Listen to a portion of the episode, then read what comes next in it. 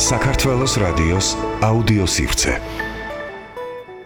გამარჯობა, მე ვარ ლიკა ხორბალაძე, ეს არის პოდკასტი როცა საჭესთან ხალია და გპირდებით რომ დღევანდელ პოდკასტში საკმაოდ არაორდინალურ პიროვნებაზე ვისაუბრებ, ოღონდ მანამდე მინდა გთხოვოთ ცოტა ხნით ჩართოთ თქვენი ფანტაზია. წარმოიდგინეთ, რომ ხართ 40 გადაცილებული ამერიკელი ქალბატონი, რომელიც მთელი ცხოვრება ოცნებობდა მუსიკოსობაზე, მაგრამ არ გამოვიდა. წარმოიდგინეთ, რომ დაახლოებით 1 წელია გყავთ ქმარი. თქვენზე ახალგაზრდა და საკმაოდ სიმპათიური, მაგრამ მასთან ფიზიკურ კონტაქტზე ოცნებაც კი არ შეგიძლიათ, იმიტომ რომ 17 წლის რომ იყავით და პირველად რომ გათხოვდით, თქვენმა ძვირფასმა მეუღლემ სიფილისით დაგაჯილდოვათ. და წარმოიდგინეთ, რომ ეს ესაა, გაიგეთ, რომ мама თქვენისგან მემკვიდრეობა გერგოთ და ამიტომ დღეიდან თქვენ ძალიან, ძალიან დიდარი პიროვნება ბრძანდებით. რას გააკეთებდით? აი ფლორენს ფოსტერ ჯენკინსმა შემდეგი რამ გააკეთა.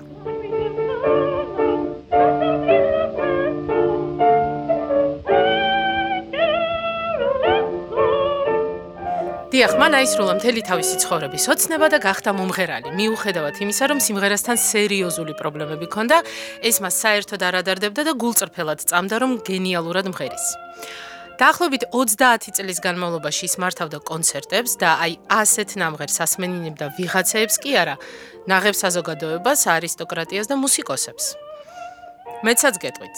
76 წლის ასაკში მან იმღერა კარნეგი ჰოლში, ერთ-ერთ ყველაზე პრესტიჟულ საკონცერტო სცენაზე. თან იმღერა ისე, რომ კონცერტამდე ბილეთები რამდენიმე კვირით ადრე გაიყიდა და დაახლოებით 3000-მა ადამიანმა იმ დროს საკმაოდ დიდი თანხა, 20 დოლარი გადაიხადა მის მოსასმენად.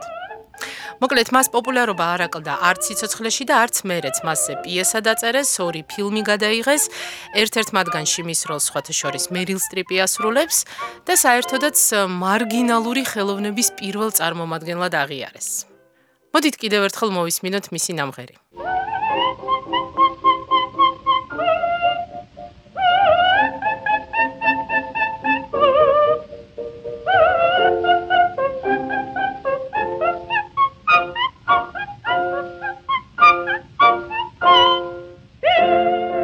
ეს შესრულება კარნეგი ჰოლი 30 წლიანი საკონცერტო ცხოვრება წარმოუდგენელია ხომ?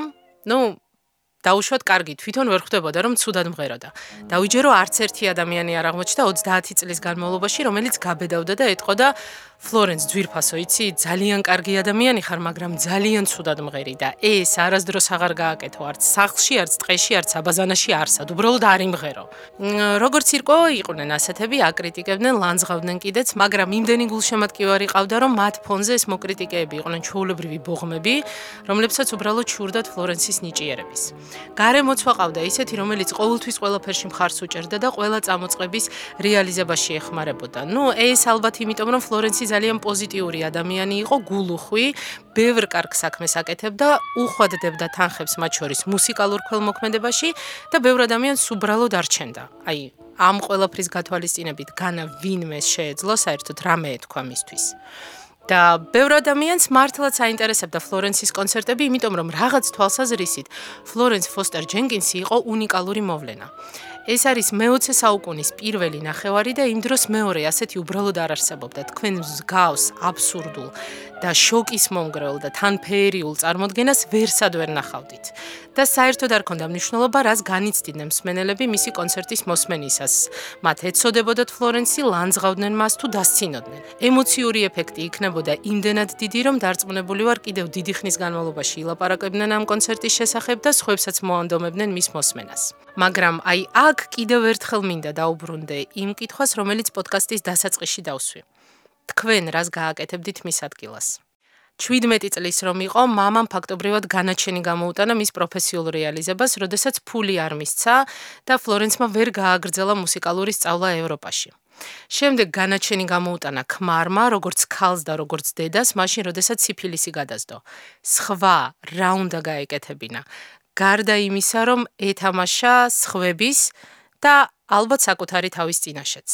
და რა მნიშვნელობა ქონდა რამდენად არასერიოზულად გამოიყურებოდა ის ხვის თვალში, თუ კი მან ყველაზე მთავარი რაღაც გააკეთა. მან აისრულა თუნდაც ყველაზე აბსურდული, მაგრამ მთელი თავისი ცხოვრების ოცნება. თქვენთან ერთად ვიყავი ლიკა ხორბალაძე, ძალიან მალე შევხვდებით ერთმანეთს.